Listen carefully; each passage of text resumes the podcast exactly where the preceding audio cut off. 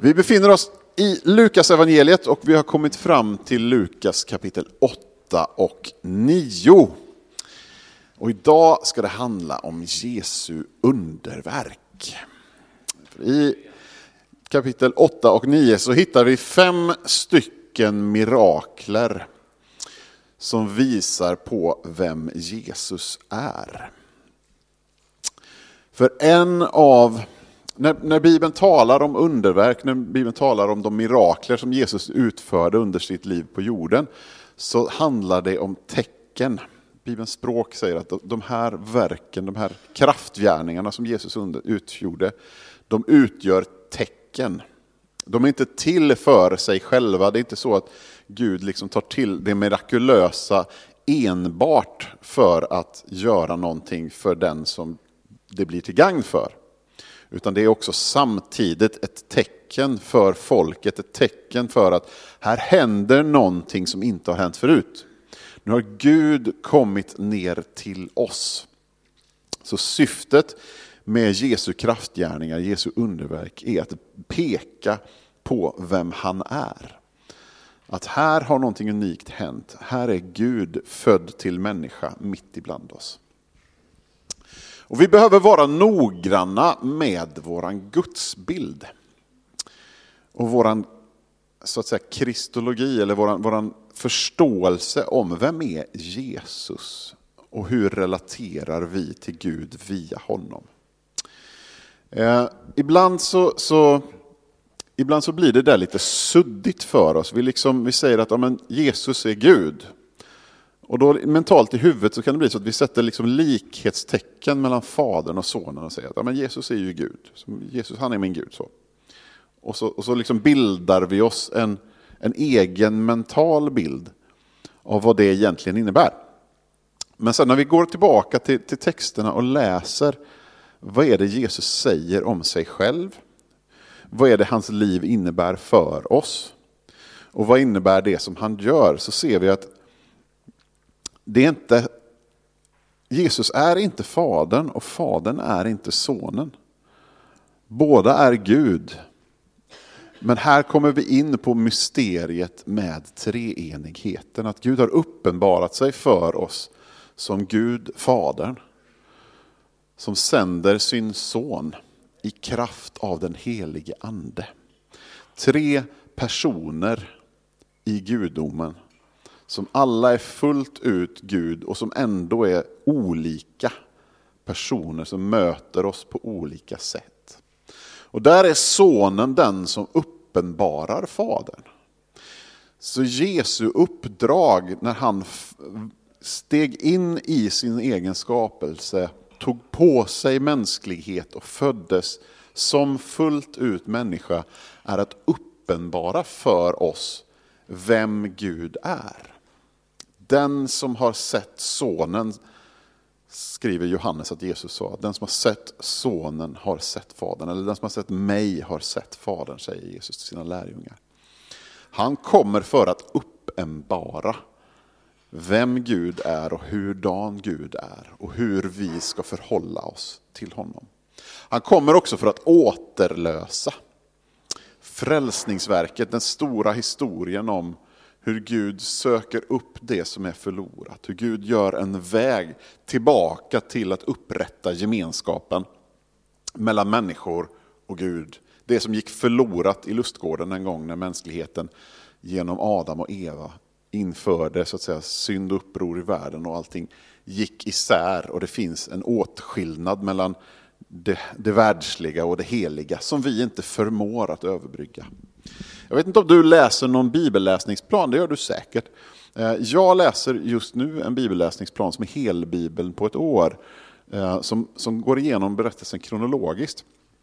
Och just nu har jag kommit till Andra Mosebok, alla regler kring tempeltjänsten. Och det där, ibland så blir jag helt perplex när jag läser det där. Och liksom, alltså, det där är väldigt långt borta från vart vi är idag. När man pratar om, om eh, vad, heter det, vad är det han säger? Eh, han ska vifta en get, en bringa av en, ett offerlamm framför Herrens ansikte som ett viftoffer. Det blir liksom, vi kan inte riktigt relatera, vad betyder det? Offergärdslåret. När läste, när läste du om offergärdslåret i Andra Mosebok sist Sven? det var ett tag sedan. Ja, det var så. Ja, det är bra. Nej, men det är liksom, men hela tempeltjänsten, hela Israels, alltså hela Guds uppenbarelse till Israel som nation går ju ut på att, så att säga, visa på åtskillnaden mellan det som är heligt och det som är profant. Det som är heligt, det som hör, till Gud, det som hör Gud till, det är väsensskilt från det som är världsligt. Och där och då i tabernaklet i öknen så var det så skarp distinktion emellan. Så att när eh, Arons söner, alltså Mose bror Aron, han blev ju den första överste prästen. Hans två äldsta söner, de tar med sig eld utifrån lägret och går in i uppenbarelsetältet med det. Och dör där och då. Eld går ut från Herrens altare och bränner upp dem. Det är liksom fruktansvärt snabb konsekvens av ett övertramp som liksom vi inte kan, vi, vi, vi förstår inte själva vad, är, vad, är det, vad var det som var så hemskt med det där? Alltså, hur funkar och hänger det där ihop? Men det är distinktionen mellan det heliga och det som är oheligt. Och det där visar på en verklighet som vi idag kanske inte riktigt liksom kan förstå och kan ta till oss alla gånger. Därför att vi lever i nåden. Vi lever ju 2000 år efter att Kristus har förkunnats, Kristus har förkunnats nu i 2000 år ungefär. Och vi liksom lever i en vana av att ja, men det är klart att Gud har bara nåd för folk och alla är välkomna till Kristus. Men den där distinktionen mellan det heliga och det profana finns fortfarande där. Det är bara det att Jesus har överbryggat det mellan så att vi kan ha gemenskap igen. Det har blivit en upprättad gemenskap mellan oss och Fadern. Så vi behöver vara noggranna med vem är Jesus? Jo, han är Guds Messias, den smorde. Han som det var utlovat i skriften att han en dag skulle komma för att upprätta allting. Han på vars rike det aldrig ska vara någon ände. Han som blir våran frälsare och återlösare. Det är honom vi möter i evangelietexten, det är honom som, som vi, vi läser om.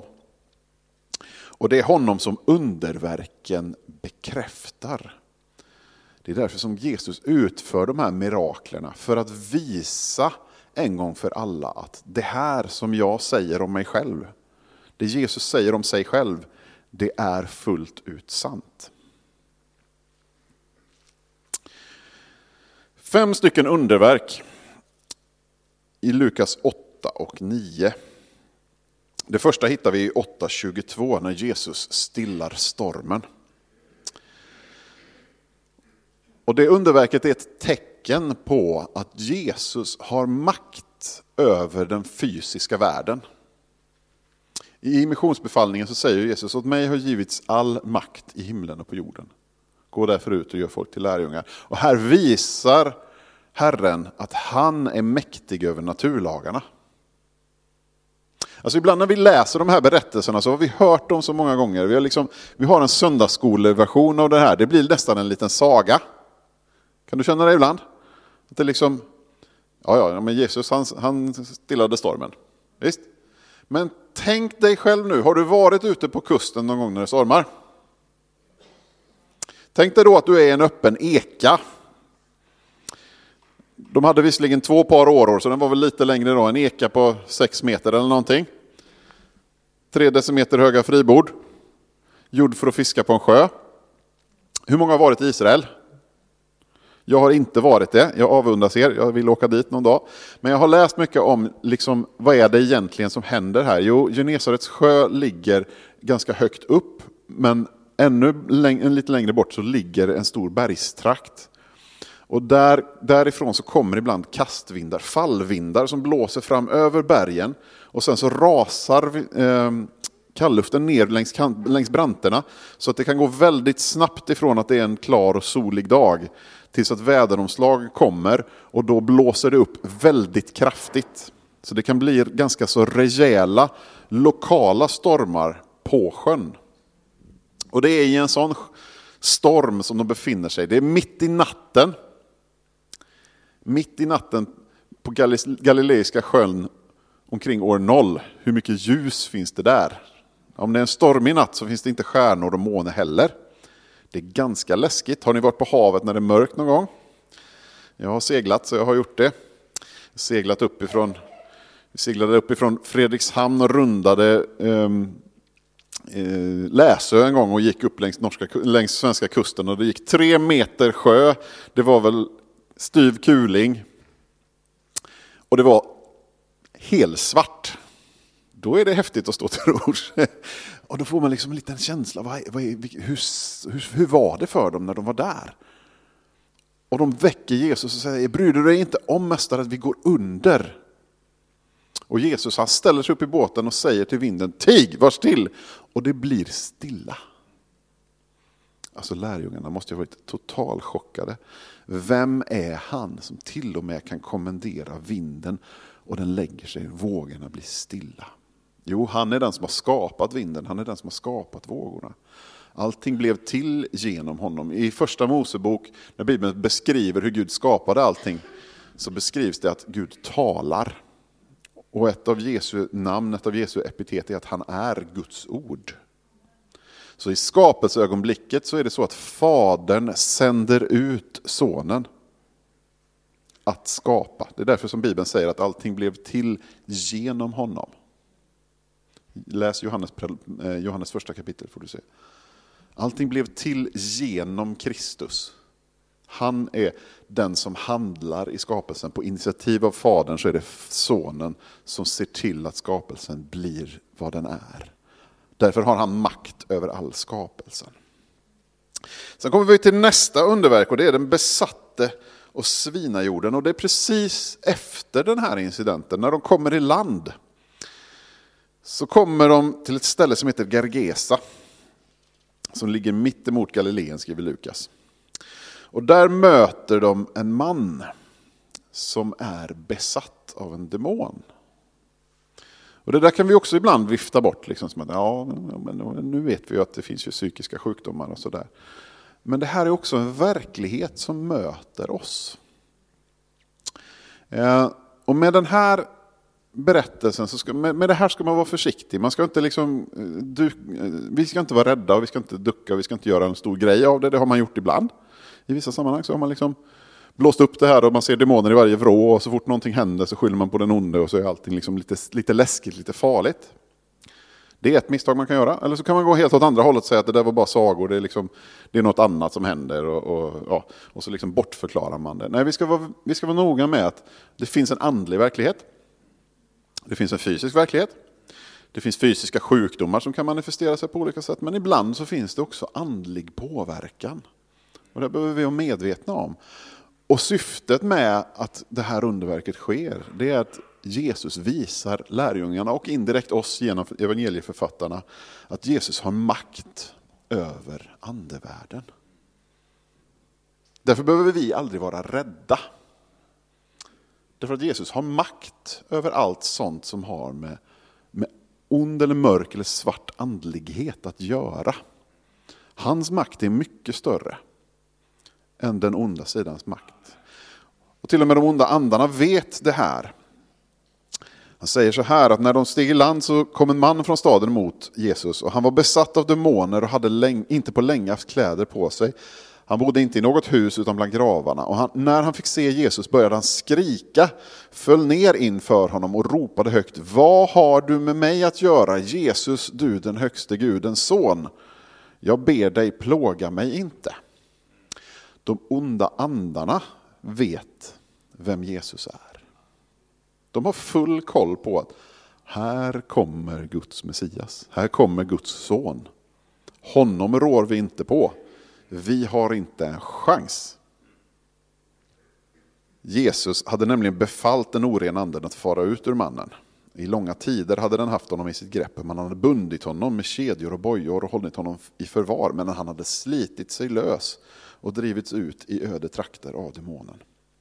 Jesus frågade honom, vad är ditt namn? Och han svarade, Legion, för många demoner hade farit in i honom. Och de bad Jesus att han inte skulle befalla dem att fara ner i avgrunden.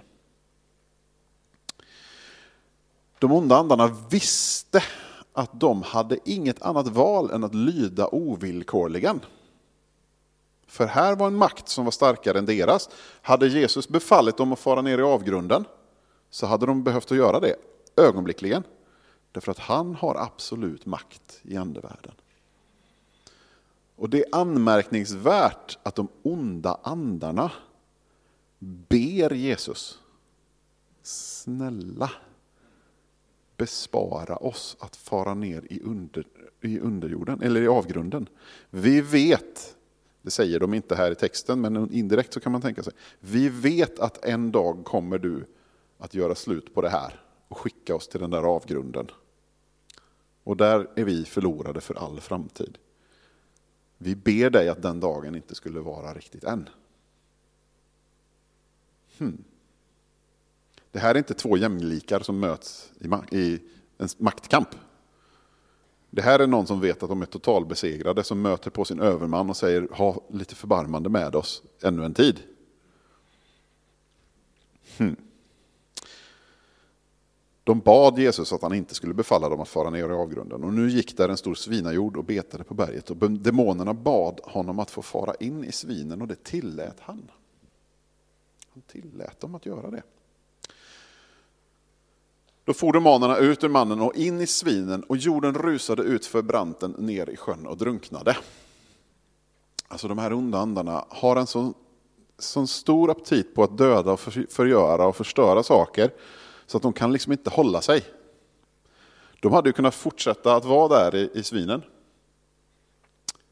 Men de ser till att det blir liksom destruktion av alltihopa. De driver hela jorden ner i sjön och den drunknar. Och de behöver givetvis ta vägen någon annanstans. Nu får vi inte veta hur det går.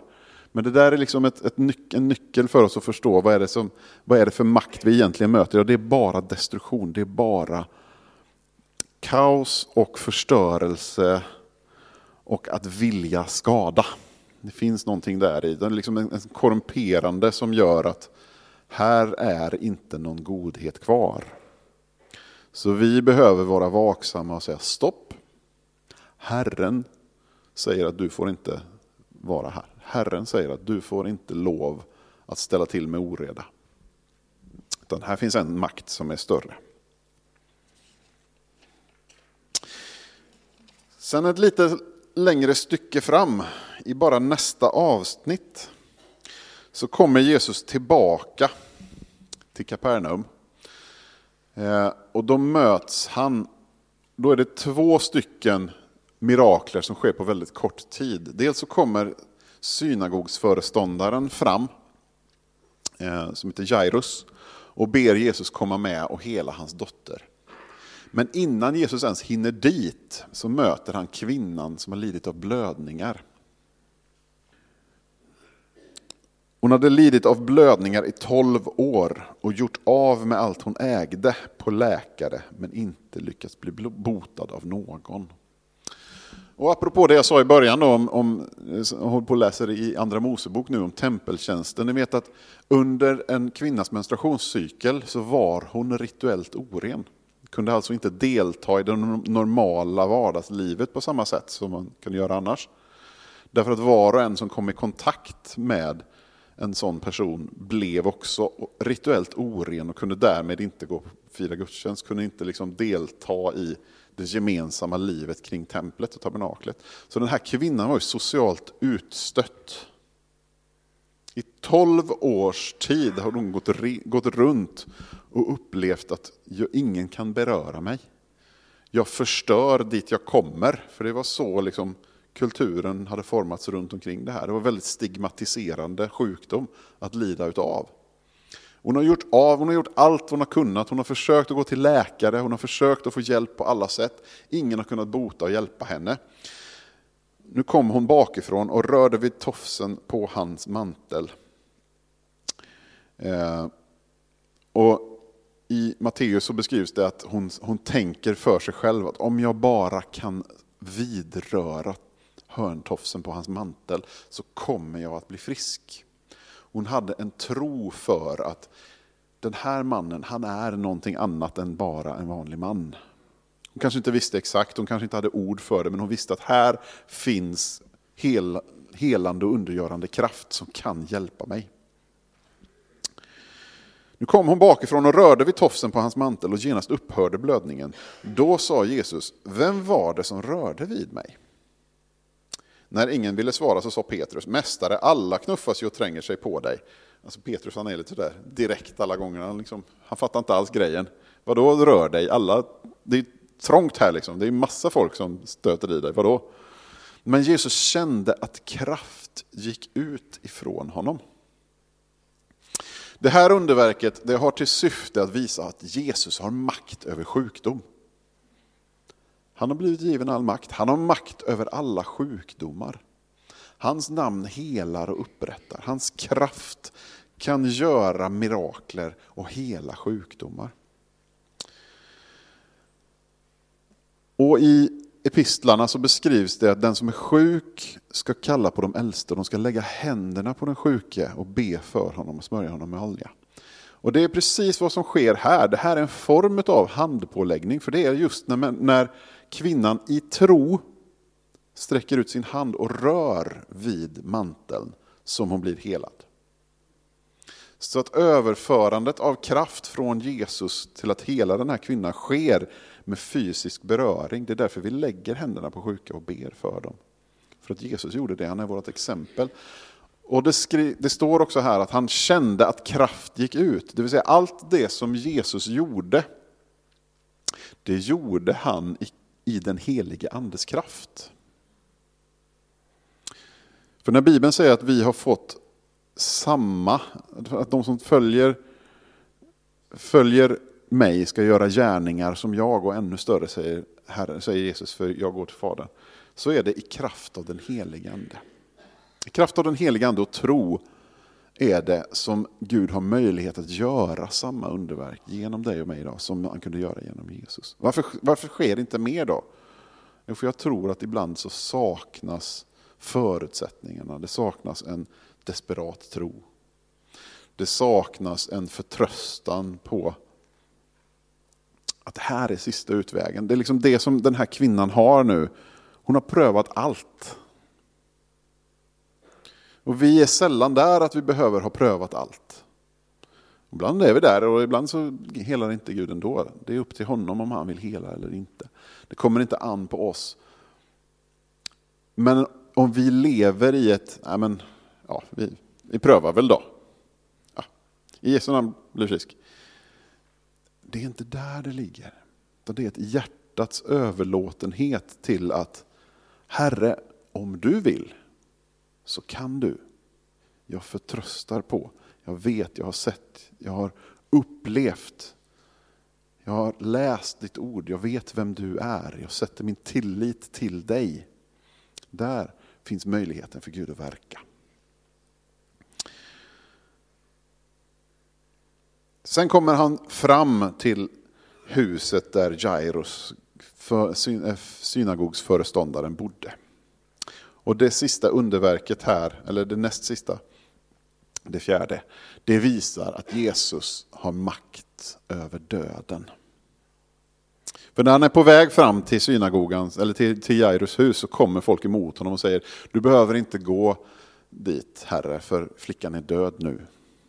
Du kommer för sent, hon har redan dött. Och Jesus säger till dem, nej, jag går dit ändå. Hon är inte död, hon sover. Och då börjar de skratta åt honom. För de tror att han drar ett skämt. Alltså, för de hade ju konstaterat på alla sätt som man kunde konstatera att den här flickan var död. Hon hade liksom ingen livsande i sig längre, hon var död. Eh, så det är inte så att liksom Jesus korrigerar något misstag de har gjort när hon egentligen bara har somnat och, de tror att hon är död. Nej, de hade sett till att de vill inte, de vill inte begrava någon som bara skendöd, så det, liksom, det såg man till att ha koll på. Att den här personen den har verkligen avlidit. Eh, men i Matteus-varianten av den här berättelsen så, så beskrivs det hur, hur Jesus tar ut alla ur huset. Det är bara han själv, Petrus, Jakob och Johannes, de tre närmsta lärjungarna och föräldrarna till flickan som får vara kvar inne i huset. Och så säger han till flickan, lilla flicka, stå upp. Och livsande kommer tillbaka i henne, skriver Lukas. Då återvände hennes ande. Hon reste sig genast upp och han sa till dem att ge henne något att äta. Så Gud har makt över döden. Gud har makt att sätta tillbaka livsande i en människa som har förlorat den.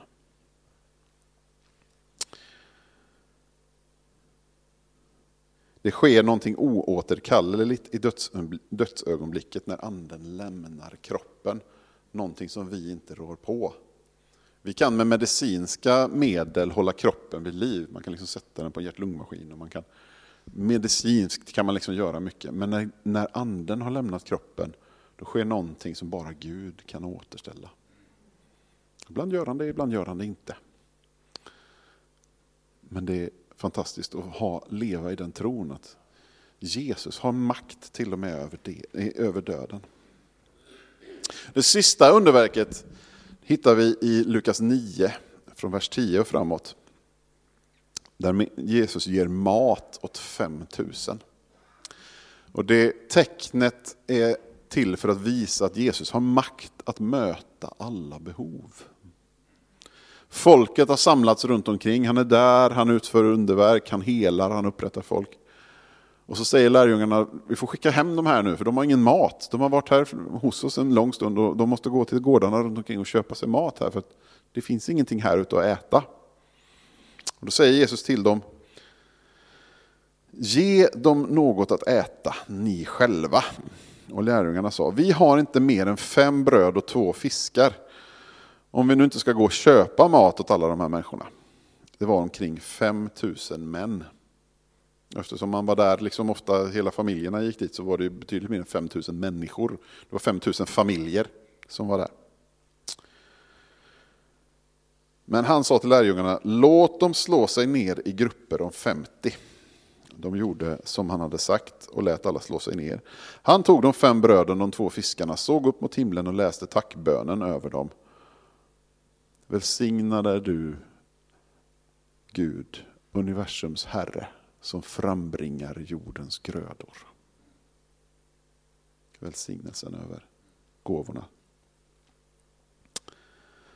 Sen bröt han dem och gav till lärjungarna för att de skulle dela ut till folket. Alla åt och blev mätta och de överblivna bitarna samlades ihop och det blev tolv korgar. Han säger inget mer Lukas. Det är nästan så att det är lite taskigt. Jag skulle vilja veta hur det gick till. Men det säger inte Lukas. Det får vi tänka oss själva. Hur gick det där till?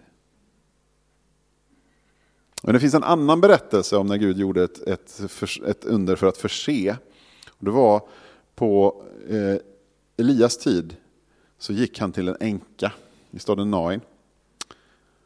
Och det var hungersnöd i landet och de hade ingenting att äta. Men hon hade ett krus med olja och en burk med mjöl.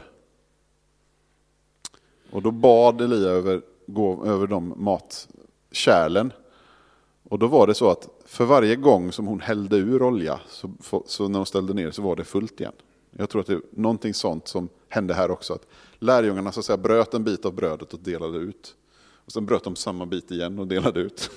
och sen bröt de samma bit igen och delade ut. Och när de höll på sådär och, och, och utfodrat 5000 familjer med den här maten så hade det där liksom förmerandet förmerats så mycket så att det blev 12 korgar över av bitarna som de hade brutit.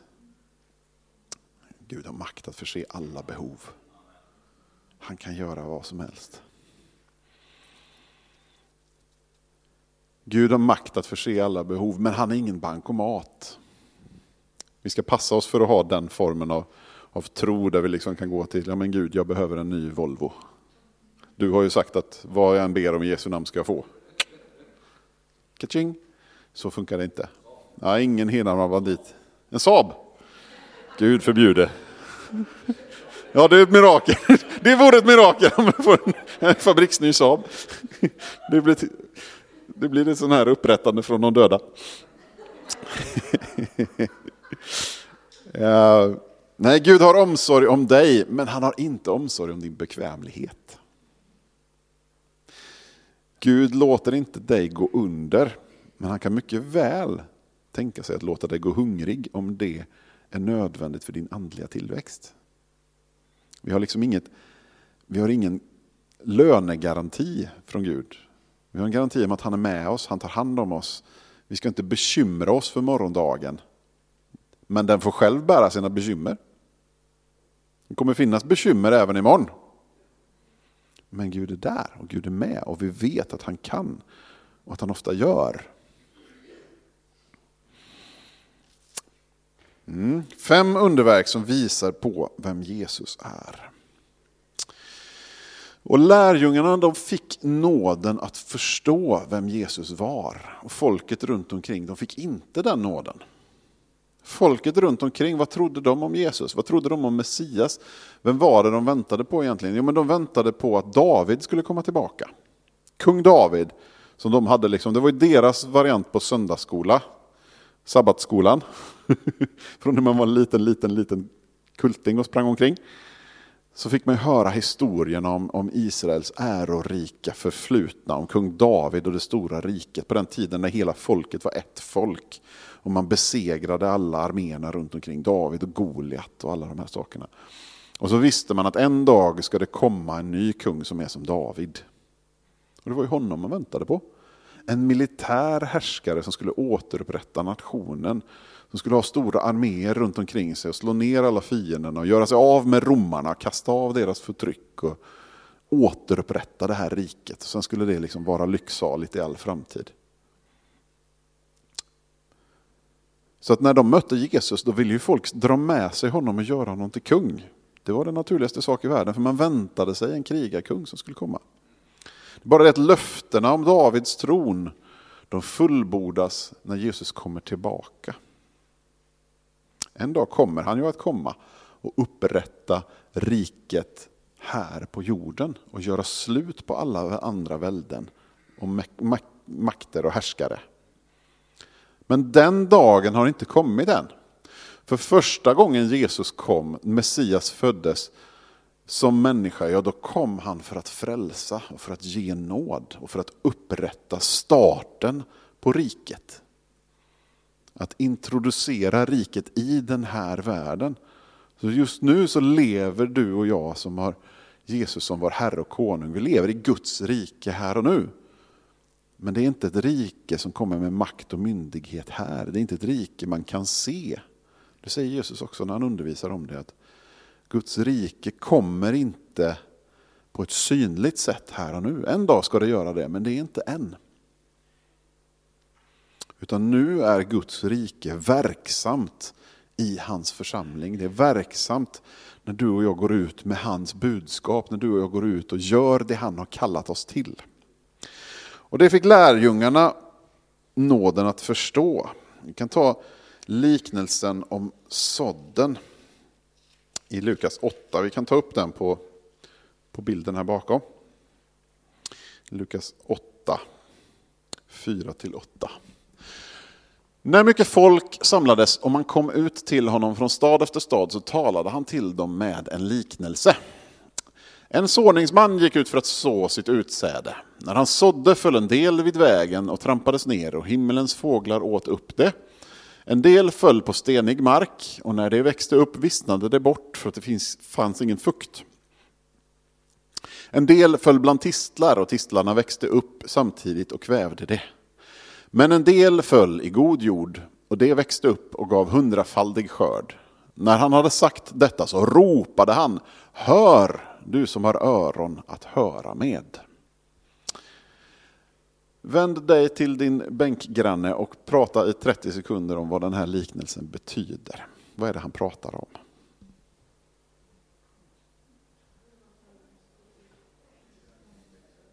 Mm. Vad handlar liknelsen om sådden om? Ni vet ordet liknelse, det använder vi ju inte någon annanstans än när vi pratar om Jesu undervisning. Har du använt det någonstans någon annan gång? Just ordet liknelse. Brukar du använda det till vardags? Nej, det gör du förmodligen inte, för det, vi, vi säger ju inte riktigt så.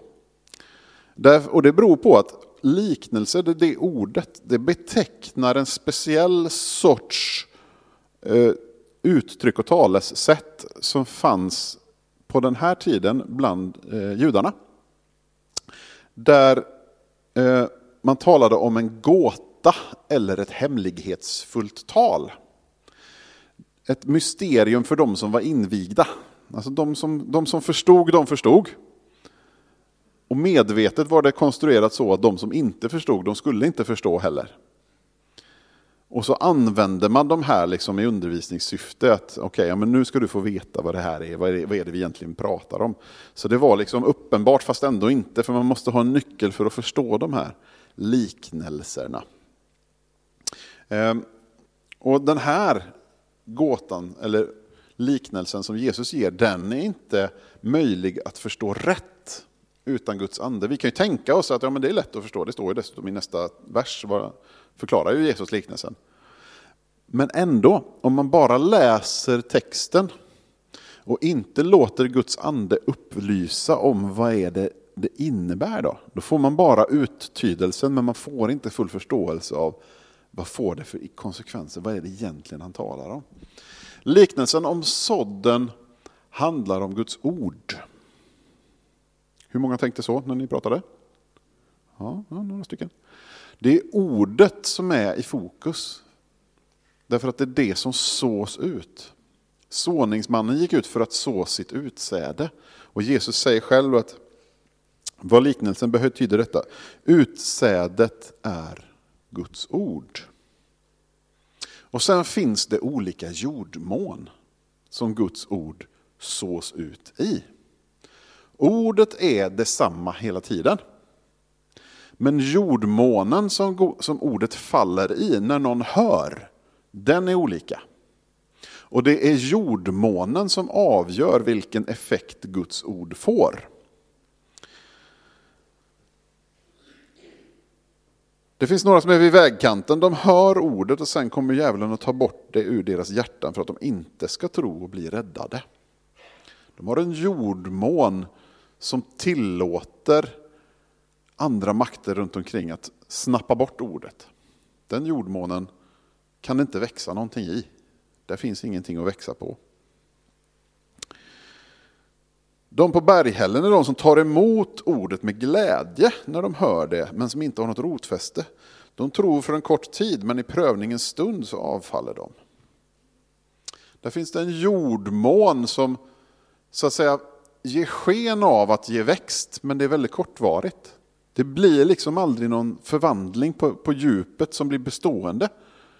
Utan det blir, jag förstår, och, nej, och så händer det andra saker och så, och så försvinner det där sen. Det kan aldrig få någon rot, kan aldrig få något fäste.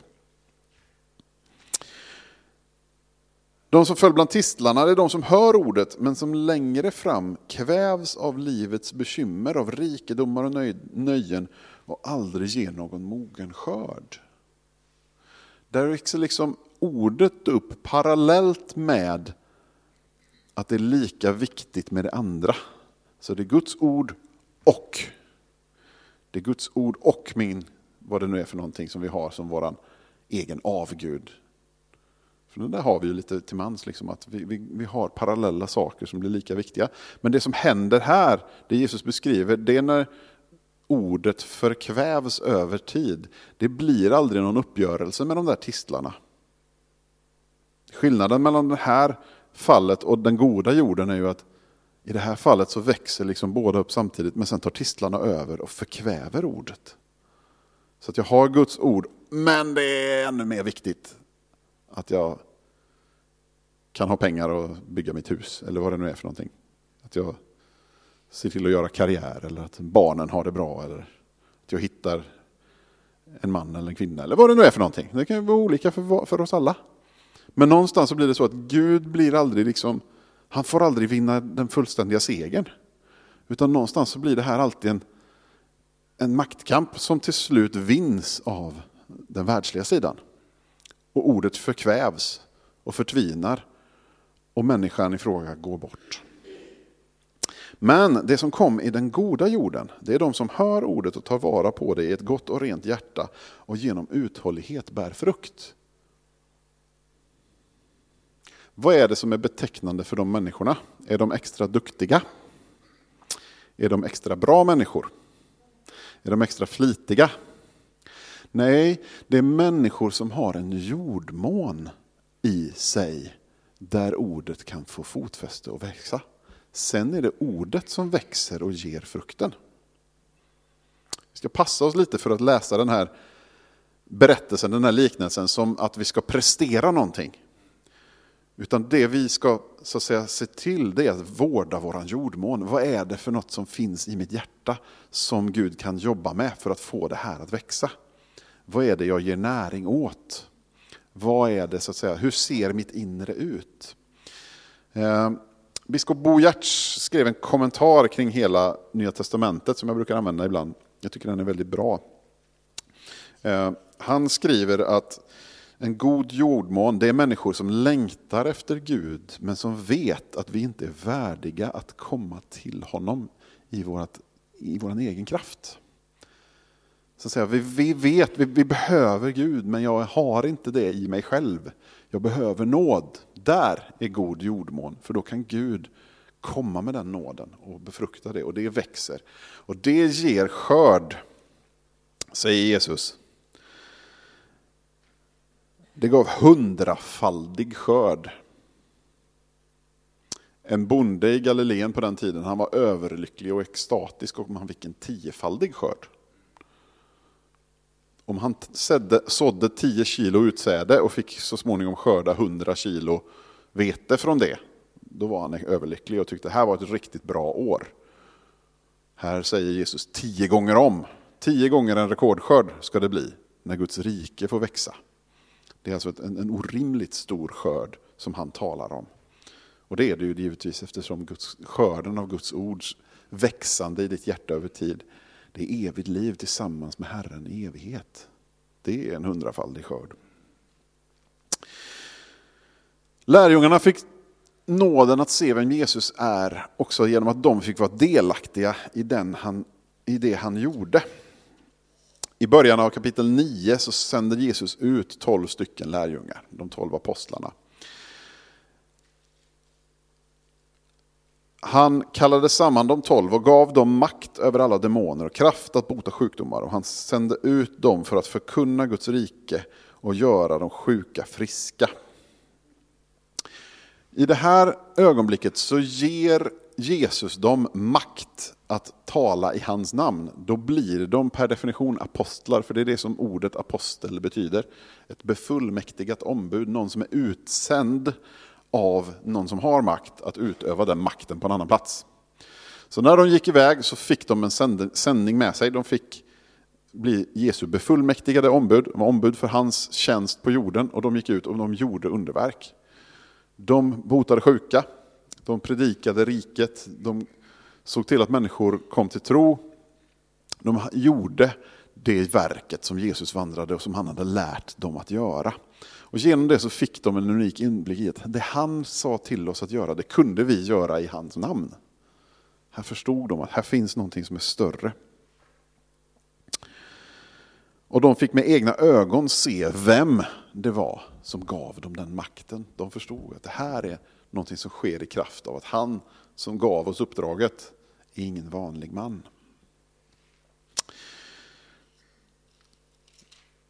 Sen kommer ett stycke lite längre fram i Lukas 9 och 18 när Petrus kallar Jesus för Messias. Och det är också ett sånt här unikt ögonblick där man kan se att lärjungarna fick en unik inblick i vem Jesus är. De hade fått en uppenbarelse som inte det övriga folket fanns. En gång när han hade dragit sig undan för att be och lärjungarna var med honom så frågade han dem, vem säger folket att jag är? Och de svarade, Johannes döparen, men somliga säger Elia och andra att någon av de gamla profeterna har uppstått. Och ni, frågade han, vem säger ni att jag är? Petrus svarade, Guds Messias.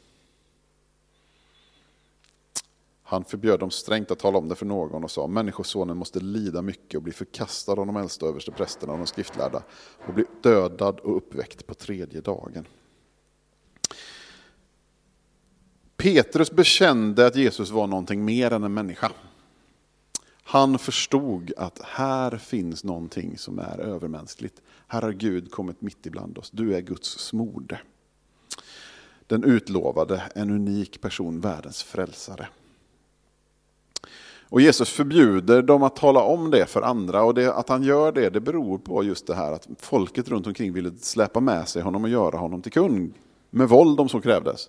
För de längtade efter den jordisk befriare, men det var inte det Jesus hade kommit för att göra. Och strax efter just det här eh, stycket, en vecka senare, så tog han med sig Petrus och Johannes och Jakob och gick upp på berget för att be. Och där hände någonting helt unikt. De fick se. Han avslöjar sin verkliga identitet. De får se att Jesus är Gud. De får med egna ögon se hur han förvandlas framför deras ansikten. Hans, Guds härlighet utstrålar genom hans kropp.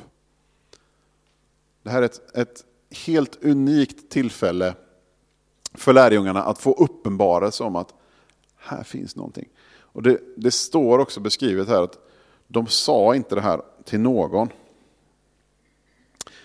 I slutet på vers 36 så står det att lärjungarna teg om vad de hade sett. Vid den tiden berättade de ingenting för någon.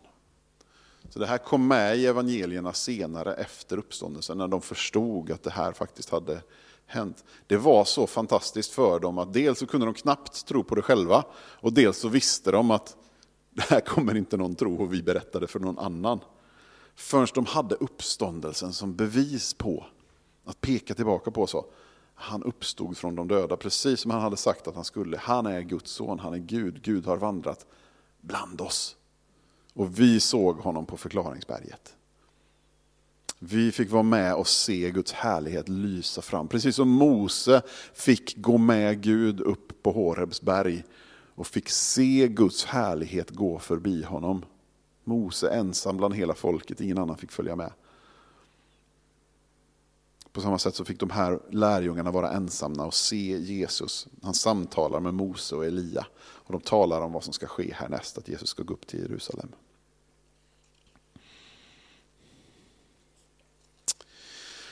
Sen kommer en brytpunkt.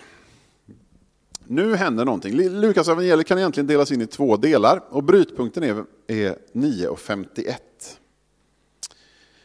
Där står det att när tiden var inne för hans upptagande till himlen vände han sina steg mot Jerusalem. Så här börjar liksom akt två av berättelsen i Lukas. Första halvan av Lukas slår fast vem Jesus är. Så allting som har hänt upp till nu är till för att visa, så att säga, vem är det vi pratar om? Vem är det som har kommit till oss?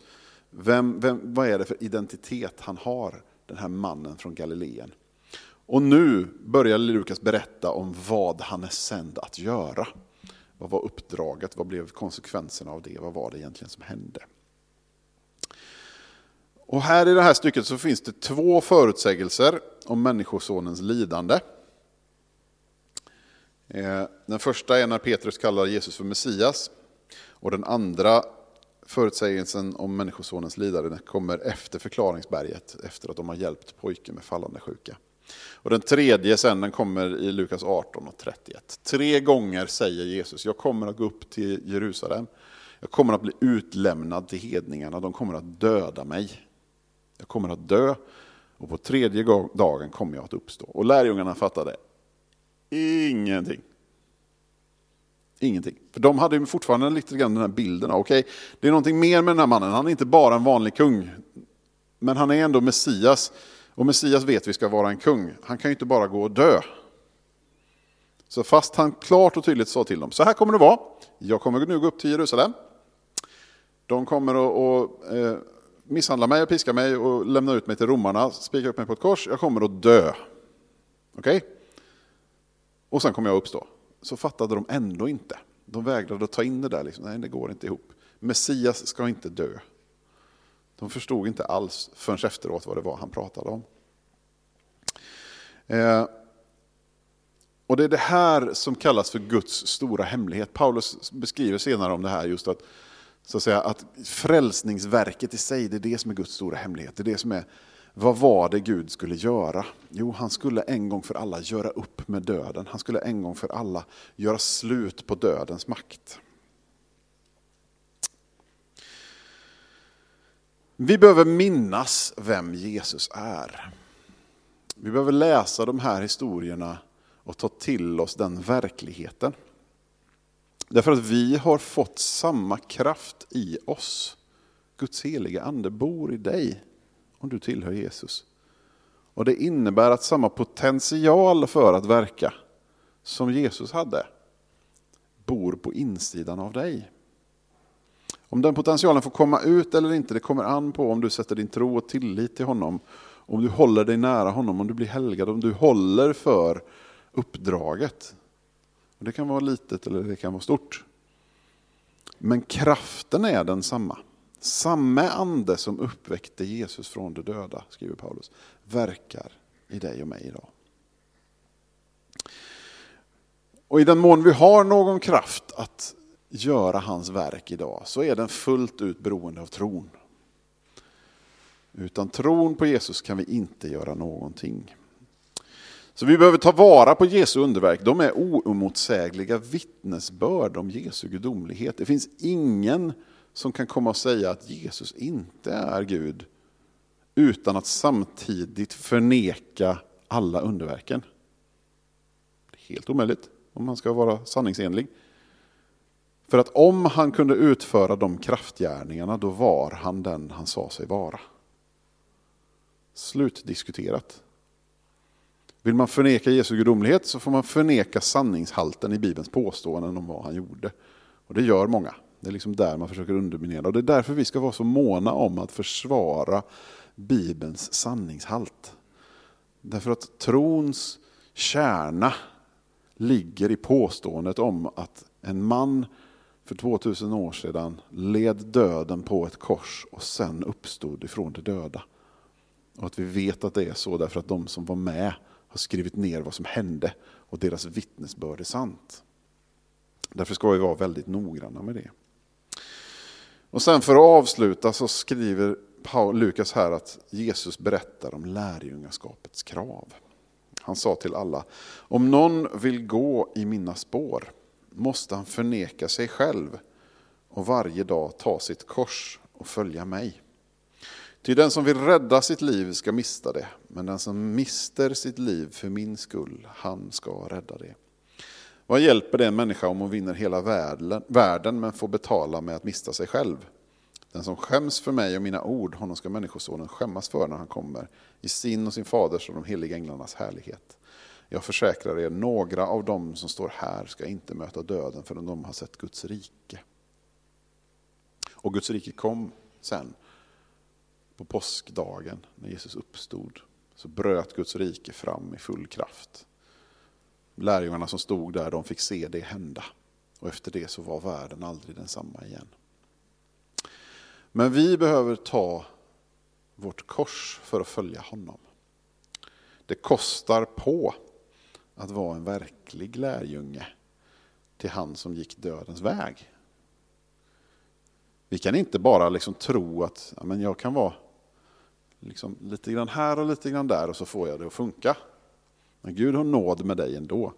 Han kastar inte bort dig. Men om du ska vandra hans väg så är kravet tydligt. Då gäller det att plocka upp det där korset och gå den vägen han gick. Och Det gör man inte halvhjärtat, det gör man helhjärtat om det ska bli någonting av det. Korset är liksom inte en kompromiss. Det är ganska slutgiltigt att bli korsfäst. Det är döden. Och det behöver vara döden så att säga, för våra, vår, vår kötsliga sida. Det finns någonting i oss som behöver dö bort som behöver bli verkningslöst och kraftlöst. Vi släpar runt på det, visst det gör vi. Du måste ta hand om kroppen, du måste ha kläder, och du måste ha mat och du måste ha någonstans att bo. Särskilt nu när det är 12 grader kallt, jag är ganska tacksam att jag har ett hus. Men det får inte bli viktigt.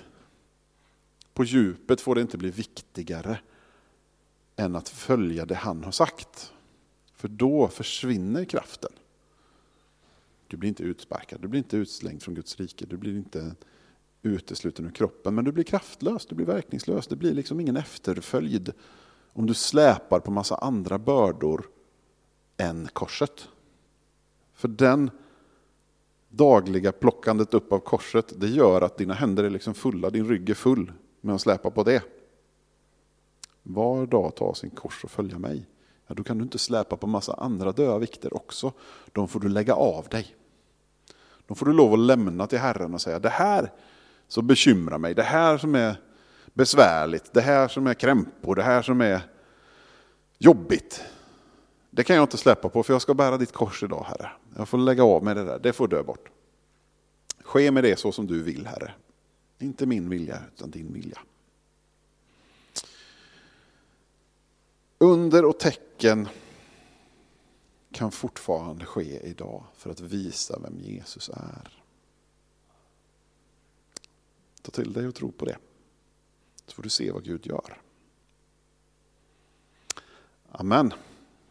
Herre, vi tackar dig. Herre, vi prisar dig för ditt verk. Herre, vi ber hjälp oss. Vi ser inte allt, vi vet inte allt, vi förstår inte allt, men vi ser vem du är, Herre. Vi tackar dig för din nåd och godhet och barmhärtighet. Tackar dig att du fortfarande är verksam, du är levande, du är mäktig, Herre. Vi överlämnar oss själva i dina händer och tackar dig för din nåd, godhet och barmhärtighet. I Jesu namn. Amen.